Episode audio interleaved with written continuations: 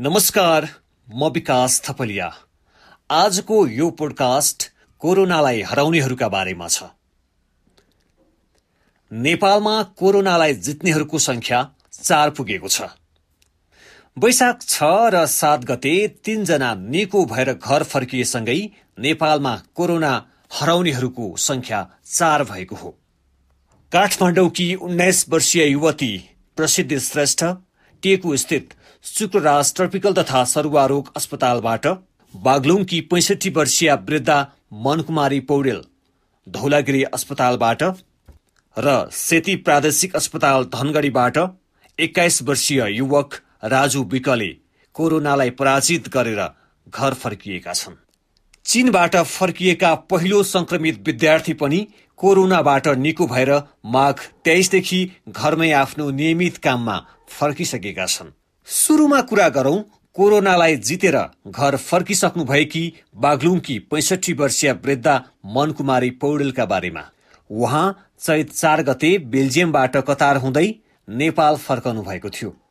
उहाँ सवार विमानमा नै हुनुहुन्थ्यो अर्की संक्रमित महिला प्रसिद्धि श्रेष्ठ पनि।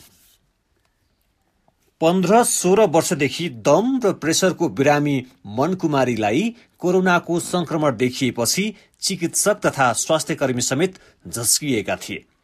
तर चैत बीसमा धौलागिरी अस्पताल भर्ना हुनुभएकी उहाँ युवाहरूभन्दा ढिलो कोरोना संक्रमण देखिएर छिटो सोह्र दिनमै निको भई घर फर्कने आठौं संक्रमित वृद्धा हुनुहुन्छ।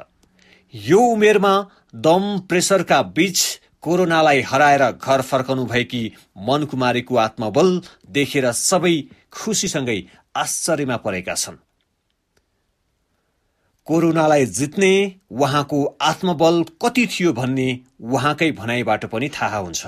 घर फर्कदै गर्दा उहाँले भन्नुभयो अस्पतालमा बस्दा पनि डाक्टर नर्स सबैको माया पाएँ। म अस्पताल छु जस्तो कुनै महसुस भएन। परिवारमै बसे जस्तो भयो।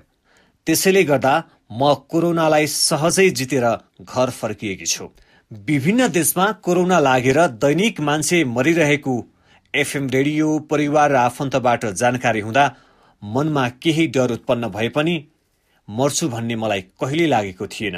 आइसोलेसनमा रहँदा उहाँ दैनिक बिहान बेलुका दुध पिउने नियमित खाना खाजा खाने गर्नुहुन्थ्यो। कोरोनाको चौतर्फी सन्तास र भय बढिरहेका बेला कोरोना संक्रमित देख्न साथ अस्पतालमा ल्याउन र उपचार गर्न कठिन मानेका चिकित्सक र स्वास्थ्य कर्मीमा अहिले मनोबल बढेको छ।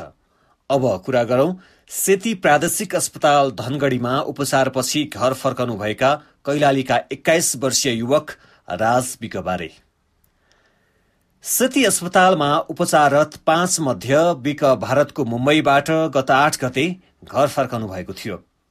चैत दस गते धनगढीको गोरीफन्टा पुग्नुभएका उहाँ लकडाउनका कारण सीमामा रोकिएपछि प्रदेश सरकारले चैत एघार गते राति उद्धार गरी चैत बाह्र गते बिहान घर पुग्नु भएको थियो।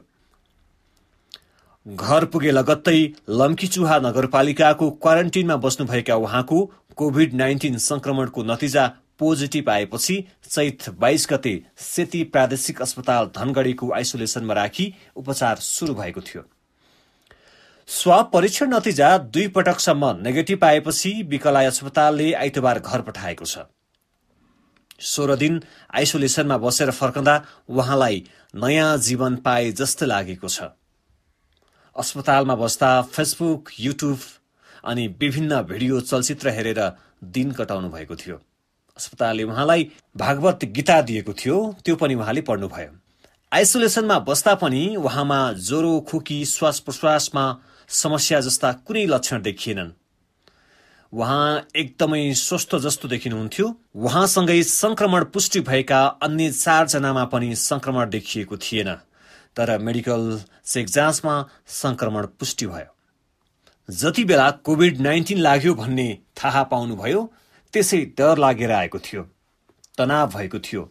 रोग लागेको छ भनेपछि बल्ल जीवनको महत्व बुझ्नुभयो उहाँले जीवनमा देखेका सपनाहरू सम्झनुभयो डाक्टरसँग कुरा गर्दा भने बल्ल हिम्मत बिले जस्तो लाग्यो उहाँलाई। डाक्टरले कोभिड नाइन्टिनको संक्रमण देखिएको भन्दा उहाँलाई विश्वास लागेको थिएन। किनभने अनुभव हुने गरी कुनै पनि लक्षण देखिएको थिएन। आज निको भएर घर फर्कँदा शरीरभित्रको किलो फालेर आए जस्तो अनुभव भएको छ। उहाँले अस्पताल बस्दा तातो पानी धेरै खानुभयो पटक पटक खाना र फलफूल खानुभयो। उहाँ अहिले भन्नुहुन्छ खानपिनमा ध्यान दिनुपर्ने रहेछ। कोरोना लाग्यो भनेपछि मानिसहरू बढी आत्तिने गर्छन्। नआत्तिएर रोग जित्न सकिने रहेछ उहाँ भन्नुहुन्छ। यता काठमाडौँ घर भएकी उन्नाइस वर्षीय प्रसिद्ध श्रेष्ठ दोस्रो संक्रमित महिला उहाँ पनि घर फर्किसक्नु भएको छ। उहाँ चैत चार गते फ्रान्सबाट कतारको दुहासँगै काठमाडौँ आउनुभएको थियो। उहाँसँगै फ्रान्सबाट कतारसम्म आएकी भियतनामी साथीलाई संक्रमण भएपछि उहाँ टेकु अस्पतालमा जाँच गर्न जानुभएको थियो। सत्ताइस दिनपछि विभिन्न परीक्षण रिपोर्ट नेगेटिभ आएपछि वैशाख छ गते शनिबार शुक्रराज तथा सरुवारोग अस्पताल टेकुले उहाँलाई डिस्चार्ज गरेको छ।